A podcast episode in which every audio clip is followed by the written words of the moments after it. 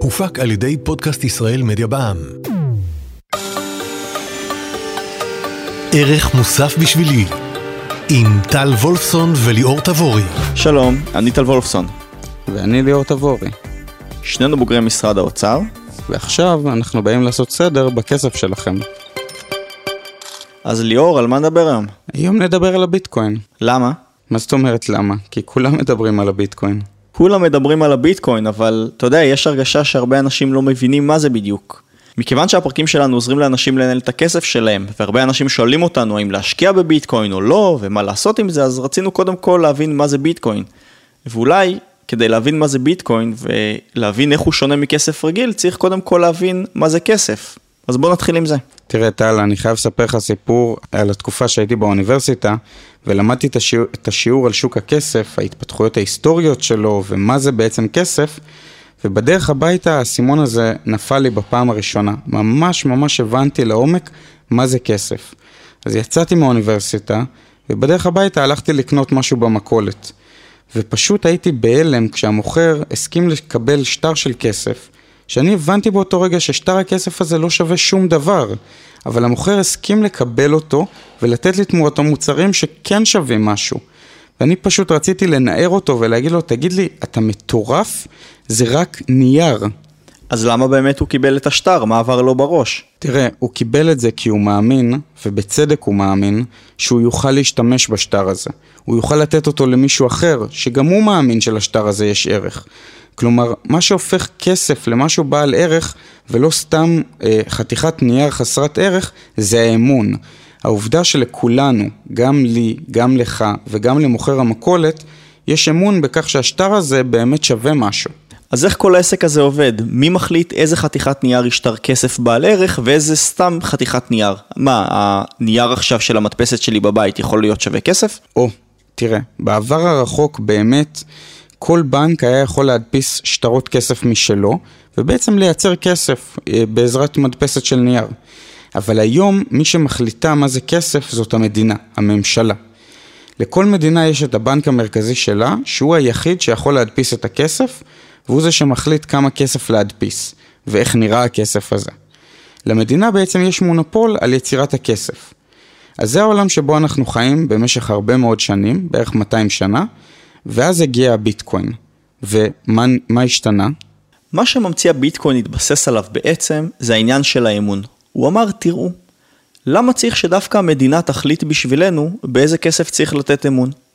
יכול להיות שיש לנו היום את האמצעים הטכנולוגיים ליצור מטבע, שלצורך העניין נקרא לו ביטקוין, ואם אני משלם לך בביטקוין, ואתה משלם למוכר בביטקוין, והמוכר יודע שבזה הוא יכול לפנות גם למישהו אחר, שהוא לקנות איתו דברים, אז למה שזה לא יעבוד? זאת אומרת, כל מה שמעניין פה זה שבניגוד לכל מטבע אחר, זה לא שקמה ממשלה ואמרה, תנו במטבע שלי אמון, אלא זו יוזמה שהתחילה מהשטח שלא שייכת לאף מדינה. זו יוזמה שבעצם מציעה לאנשים לתת אמון במטבע חדש. אז למה בעצם זה לא קרה קודם? או, זו שאלה מעולה, והכי פשוט לענות עליה זה בגלל הטכנולוגיה. קודם לא הייתה טכנולוגיה שאפשרה את זה. אבל צריך לזכור שזה לא הפעם הראשונה שבה המהות של כסף משתנה בגלל התפתחות טכנולוגית. למשל, לא יכולת לייצר שטרות כסף לפני שהייתה לך מכונת הדפוס. לפני כן הכסף היה כולו מתכות. זאת אומרת, העובדה שיש התפתחות טכנולוגית מאפשרת לכולנו להתקדם קדימה ולשנות את האופן שבו כסף מיוצג. אז זאת הזדמנות טובה לדבר על מה זה בעצם ביטקוין. הביטקוין נוצר בשנת 2009, מי שיצר אותו עשה את זה באופן אנונימי תחת השם סטושי נקמוטו. זה כנראה לא השם האמיתי שלו, לא לגמרי ברור מי האיש הזה היה באמת, כלומר הכל התחיל כמשהו מאוד מאוד חתרני. אז בוא ניגש לעניין, מה זה ביטקוין? קודם כל, ביטקוין הוא תוכנה. לתוכנה הזאת יש שתי פונקציות מרכזיות. קודם כל היא יוצרת כסף, זאת אומרת היא יוצרת מטבעות, ודבר שני היא ארנק, היא מחזיקה את המטבעות.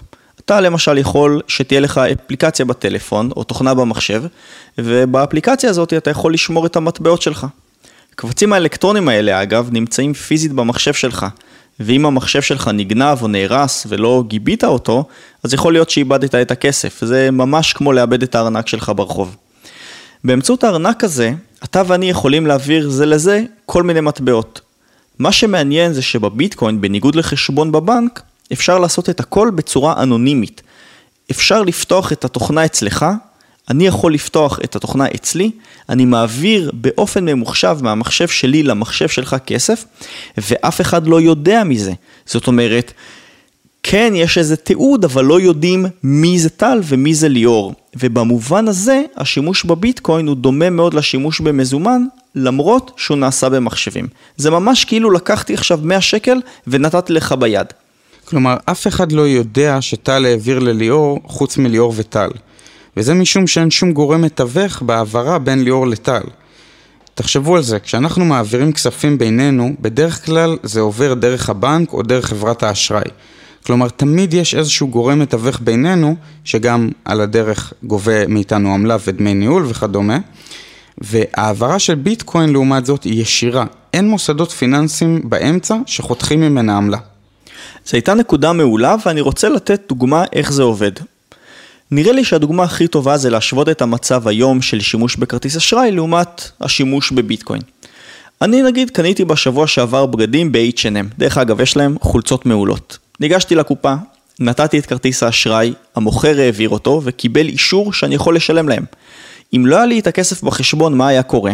טוב, כרטיס האשראי מן הסתם לא היה עובר. נכון, על מי כולם סומכים בתהליך הזה? על מי שבאמצע, על הגורם המתווך, שבמקרה הזה זה היה חברת כרטיס האשראי. בביטקוין הרעיון הוא אחר לגמרי.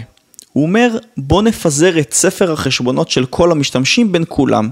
כולם יודעים מה המצב החשבון של כל אחד ברשת, באופן אנונימי כמובן, זאת אומרת כשהחשבון הוא לא מקושר אליי. ואז אם הייתי הולך ל-H&M ומשלם בביטקוין, מה היה קורה? הייתי אומר שאני רוצה לשלם. הבקשה הזאת הייתה עוברת בין כל המחשבים ברשת שמריצים את התוכנה של הביטקוין, הם היו רואים אם יש לי או אין לי את הכסף, ואם יש לי, הם היו נותנים אישור למוכר בחנות. כלומר, אנחנו לא צריכים גורם שלישי שיאשר, אלא בסך הכל אנחנו צריכים הרבה מחשבים ברשת שיסתכלו על החשבון אה, בנק שלי, נקרא לזה ככה, החשבון ארנק שלי, ויאשרו שיש לי כסף ויעבירו את הכסף ממני אל המוכר בחנות. בדיוק. תראה, האמת, זה יתרון עצום, כי למערכת הפיננסית יש משקל כבד מאוד בכלכלה. צריך להגיד שלדעתי לפחות היא עושה דברים נפלאים, אבל יכול להיות שאפשר לעשות את אותם הדברים בעלויות הרבה יותר נמוכות. יכול להיות שהטכנולוגיה החדשה הזאת שנקראת בלוקצ'יין, מה שעומד מאחורי הביטקוין, בעצם מאפשרת לנו לא רק להוזיל משמעותית את העלויות של המערכת הפיננסית, אלא אולי אפילו לבטל את המערכת הפיננסית לגמרי. נכון, ובאמת יש פה אופציה טכנולוגית שלא הייתה קיימת כשהמציאו את המוסדות הפיננסיים שאנחנו מכירים היום, כמו הבנקים ודברים אחרים, ויכול להיות שהמערכת תצטרך באמת לסגל צורת חשיבה חדשה. תראה, גם יכול להיות שאם אנשים יאבדו אמון במטבעות הרגילים, כמו השקל, הדולר והיורו, בין השאר בגלל אה, שצפויה להיות בהם אינפלציה בשנים הקרובות, יכול להיות שאנשים יעברו להשתמש בביטקוין, ויכול להיות שנעבור לעולם שבו כולם משלמים זה לזה במטבעות וירטואליים. בדיוק, ותחשוב שיש גם לביטקוין עוד יתרון של מסחר בינלאומי. היום חברות במדינות שונות שסוחרות זו עם זו, צריכות כל הזמן להתמודד עם מטבעות שונים, בשערים משתנים, אפילו מבחינת תיירות, תחשוב אם אתה מחר נוסע לאירופה, אתה צריך להחליף מטבע, אבל אם כולם ישתמשו באותו מטבע, שנקרא ביטקוין, או משהו אחר, לא צריך את זה. תוכל לרכוש באותו מטבע דברים בישראל, בסין, באירופה ובאמריקה. אז תראה טל, עד עכשיו מכל מה שדיברנו, נשמע כאילו הביטקוין הוא חזון אחרית הימים. התפתחות מאוד מאוד חיובית. אבל אני חייב להניח שיש לו גם אה, חסרונות. אתה צודק, ושני החסרונות המרכזיים שלו קשורים למה שדיברנו עליו כבר. המטבע הזה הוא כמו העברת מזומן, ולכן גם קל להעלים איתו מיסים, יותר קל מאשר אה, בצורה ממוחשבת, וגם יש פה סיכון להלבנת הון, והסיכון הזה הוא ממשי. אנחנו יודעים שהראשונים שקפצו על הביטקוין בתור מטבע שאפשר להשתמש בו זה אנשים שעוסקים בדברים לא כל כך חוקיים. ברשת האפלה למשל, מה שנקרא הדארקנט, יש כל מיני אתרים שאפשר לסחור בסמים ובנשק, אפילו לפעמים להזמין התנגשויות. אז אם אתה רוצה לחסל מישהו, תזמין מחסל ברשת, כמו שמזמינים כל דבר היום. אם תשלם עבור ההתנגשות בחשבון הבנק שלך או בכרטיס האשראי שלך, ישר ידעו ממי ההעברה הזאתי ולמי הגיע ויתפסו את זה. אבל ברגע שאתה מבצע את זה באמצעות הביטקוין, לך תמצא עכשיו את הבן אדם. נכון, ויש עוד חיסרון גדול לביטקוין מנקודת המבט של ממשלות. לממשלות, כמו שאמרנו קודם, יש היום כוח גדול מאוד בזה שיש להם מונופול על הכסף, והן מפעילות מה שנקרא מדיניות מוניטרית, שכפי שאפשר ללמוד על זה בלימודי כלכלה, יש לה צדדים חיוביים ואולי גם שליליים, קצת תלוי בנקודת המבט שלכם. אבל ברגע שאנחנו מפקיעים את הכוח מהממשלות, אנחנו מאבדים את היכולת להנהיג מדיניות מוניטרית, וזאת נקודה מאוד מאוד חשובה. נניח, אם יש עכשיו משבר כלכלי במשק והבנק המרכזי, בישראל זה בנק ישראל, רוצה להילחם בו באמצעות שינוי הריבית בצורה מסוימת, אז זה יכול לעבוד מכיוון שלבנק ישראל יש לי שליטה על כמות השקלים במשק הישראלי.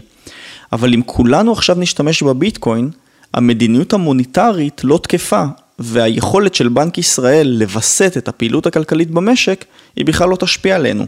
וזאתי בעיה מאוד מאוד גדולה, אתה בעצם לוקח מהמדינה את היכולת לשלוט בכלכלה של עצמה. תראה טל, גם לביטקוין יש מדיניות מוניטרית, אבל ההבדל, והוא הבדל עצום, זה שהמדיניות המוניטרית של הביטקוין קבועה מראש. הדרך שבה בנוי פרוטוקול הביטקוין, אנחנו יודעים בדיוק איך הוא יעבוד, כלומר כמה כסף חדש ייווצר במערכת עד שנת 2140, והמדיניות המוניטרית שלו בעצם ידועה עד לתקופה הזאת. למה הדבר דומה? כאילו בנק ישראל יגיד, חבר'ה, אני עכשיו אומר לכם מה תהיה הריבית עד שנת 2140. שזה די פסיכי, כאילו היום בנק ישראל אומר את זה בכל פעם רק חודש מראש, הוא בטח לא אומר את זה 150 שנה מראש. אז בעיקרון זה יכול להשתנות. אחד הדברים שאני אישית אוהב בביטקוין הוא הדמוקרטיזציה של קבלת ההחלטות. בפרוטוקול של הביטקוין ישנה אפשרות לשנות את המדיניות המוניטרית אם יש צורך, נאמר בהדפסה של עוד כסף. אבל צריך שלפחות 51% מהמשתמשים של הביטקוין יסכימו לזה. בסדר, זה מצוין והכל שיש דמוקרטיה, אבל יש פה גם בעיה, כי כביכול אמרנו שהפרוטוקול יכול להשתנות בהצבעה דמוקרטית, אבל מכיוון שכבר קמו חברות גדולות שמשתפות פעולה זו עם זו, ויחד הן שולטות בנתחים גדולים מאוד בשוק הביטקוין, זה לא הכי מושלם. יכול להיות שאם שתיים או שלוש חברות מתאגדות ביחד, הן יכולות להחליט, אה, הן יכולות להגיע לבד לנתח שוק שמעל 51 אחוזים, ואז הם ישלטו בייצור הכסף. זאת אומרת, זה לא שהמונופול של הדפסת הכסף מבוטל, והמדינה לא יכולה לעשות את זה יותר, אלא פשוט הוא עובר לגופים אחרים שאנחנו לא יודעים מי הם. וזה נקודה מצוינת, כי את זה אני לא בטוח שאנחנו רוצים לעשות. אנחנו לא יודעים איזה גופים שולטים היום על השוק הזה, ובטח אנחנו לא יודעים איזה גופים ישלטו על השוק הזה בשנים הבאות. אנחנו לא יודעים איזה אינטרסים יש לאותם גופים, ובמקום שבמצב הנתון היום נגידת בנק ישראל תקבע לנו את המדיניות, אנחנו עלולים למצוא את עצמנו עם רודנים של מדינות זרות שקובעים לנו את המדיניות המוניטרית. אנחנו צריכים לזכור שהביטקוין הוא רק יישום של טכנולוגיה. הוא יישום ספציפי של פרוטוקול שקוראים לו בלוקצ'יין.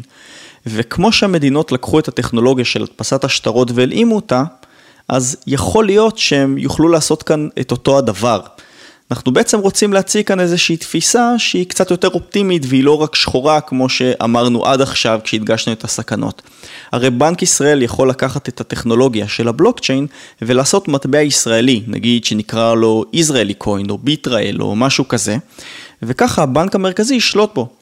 אז יכול להיות שבהסתכלות ארוכת טווח, ממשלות יכולות לאמץ את הפיתוחים הטכנולוגיים בשבילן, וכך המערכת הפיננסית תהיה אמנם מסודרת בצורה שונה מכפי שאנחנו רגילים להיום, אבל היא עדיין תדאג לאינטרסים של עצמה.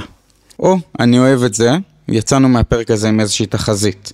אז אם בשנת 2025 או 2045 ממשלת ישראל תאמץ את הפרוטוקול של הבלוקצ'יין ותהפוך אותו לכסף, פשוט תזכרו איפה שמעתם את זה בפעם הראשונה. וכמובן, אם זה יצליח, אתם מוזמנים לתרום לנו איזה ביטקוין או שניים. שבטח עד אז יהיו שווים אה, עשרות אלפי דולרים. רגע, לפני שאנחנו מסיימים ואחרי כל ההסברים האלה, אני לא הבנתי דבר אחד, האם אני צריך לקנות ביטקוין או לא? זהו, שהתשובה לא ברורה כל כך. בפרק ראינו שביטקוין הוא בעצם מטבע יותר מאשר אפיק השקעה. אבל בפועל הוא לא ממש משמש כמטבע, כי אני לא באמת יכול לקנות בו דברים. את שכר הדירה אני משלם בינתיים בשקלים, למונית אני משלם בשקלים וגם בקניות בסופר. יכול להיות שזה ישתנה בעתיד כמובן, אבל בינתיים זה ממש לא קרוב לזה. ובינתיים, אנשים שקונים ביטקוין עושים את זה בעיקר למטרת השקעה. נכון, והיום הביטקוין זה קצת דומה לאנשים שקונים דולר או אירו כדי להרוויח מעליית הערך שלהם. אבל כשאנחנו מסתכלים על התנודתיות של מטבע הביטקוין, אנחנו רואים עליות וירידות עצומות. בשנה האחרונה למשל הוא היה שווה 6,000 דולר, בתוך שלושה חודשים הוא הגיע לכמעט 20 אלף דולר, והיום הערך שלו ירד שוב לבערך 7,000 דולר. אז צריך לזכור שקניית ביטקוין טומנת סיכון די גדול, זה קצת כמו ללכת לקזינו. אנחנו באופן אישי לא אוהבים סיכונים גדולים, אז אנחנו לא קנינו ביטקוין. צריך לומר שלא ברור אם ביטקוין הוא השקעה או הימור, ולכן באופן כללי אנחנו ממליצים על אפיקי השקעה סולידיים יותר, כמו בורסה, קופת גמל ונדל"ן, שעליהם אתם יכולים לשמוע בפרקים אחרים בפודקאסט הזה. להתראות. להתראות. ערך מוסף בשבילי, עם טל וולפסון וליאור תבורי. התוכנית מציגה הסבר ומידע כללי בלבד, ואין בה משום ייעוץ מותאם אישית או המלצה ביחס לפעולות כלשהן. מומלץ להתייעץ עם איש מקצוע מוסמך לפני ביצוע פעולות על סמך המידע המובא בתוכנית. הופק על ידי פודקאסט ישראל מדיה בע"מ.